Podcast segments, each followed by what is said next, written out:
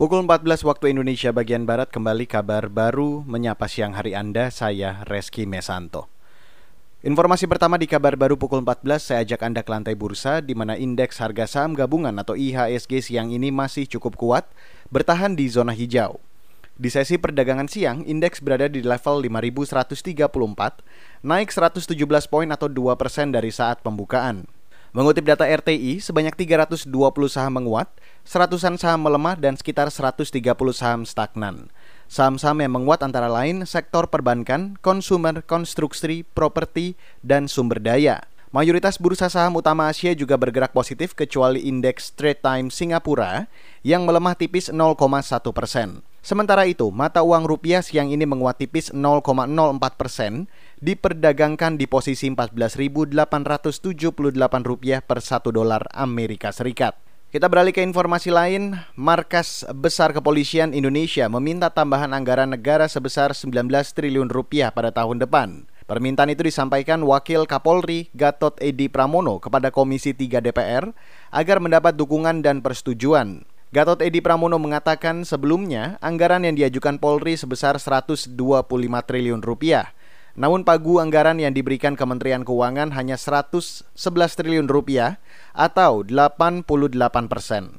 Setelah dilakukan analisis dan exercise terhadap pagu anggaran Polri tahun anggaran 2021 serta memperhatikan rasio penggunaan anggaran dan capaian kinerja tahun sebelumnya, maka alokasi pagu anggaran tersebut belum mencukupi kebutuhan minimal anggaran di lingkungan Polri, terutama yang bersumber dari rupiah murni, di mana belanja barang terpenuhi 81,74 persen dari usulan Polri, sedangkan belanja modal terpenuhi 84,32 persen dari usulan Polri. Wakil Kapolri Gatot Edi Pramono mengatakan, pada tahun depan Polri masih menghadapi banyak masalah di bidang keamanan. Di antaranya mengantisipasi ancaman keamanan dan ketertiban keamanan terkait dampak pandemi COVID-19 terhadap perekonomian. Selain itu, tahapan Pilkada serentak 2020 juga perlu mendapat perhatian serius agar tidak berdampak pada gangguan keamanan. Sementara itu, fraksi Partai Golkar di DPR meminta Polri mengalihkan penggunaan anggaran miliaran rupiah untuk pengamanan balap MotoGP dan Piala Dunia U20 yang rencananya digelar di Indonesia tahun depan.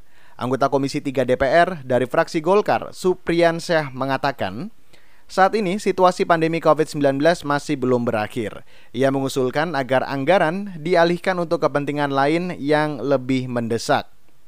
Uh, menurut saya karena ini juga belum terlaksana karena situasi pandemi COVID ini yang belum ada tanda-tanda berujung kira-kira saya kira angka-angka seperti itu bisa juga dialihkan ke program uh, Polri yang kira-kira yang lebih mendesak lagi. Kira-kira agendanya bisa digeser kira-kira. Ada beberapa seperti uh, pengamanan Piala Dunia juga seperti itu Pak, Pak Ketua.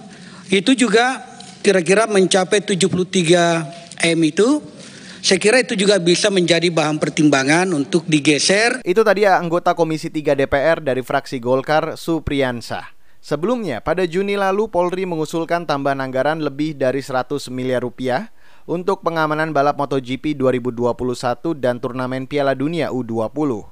MotoGP 2021 menurut rencana akan digelar di sirkuit Mandalika Lombok Tengah, Nusa Tenggara Barat pada Oktober 2021. Sedangkan Piala Dunia U20 rencananya digelar di Indonesia pada tahun depan. Demikian kabar baru KBR saya Reski Mesanto.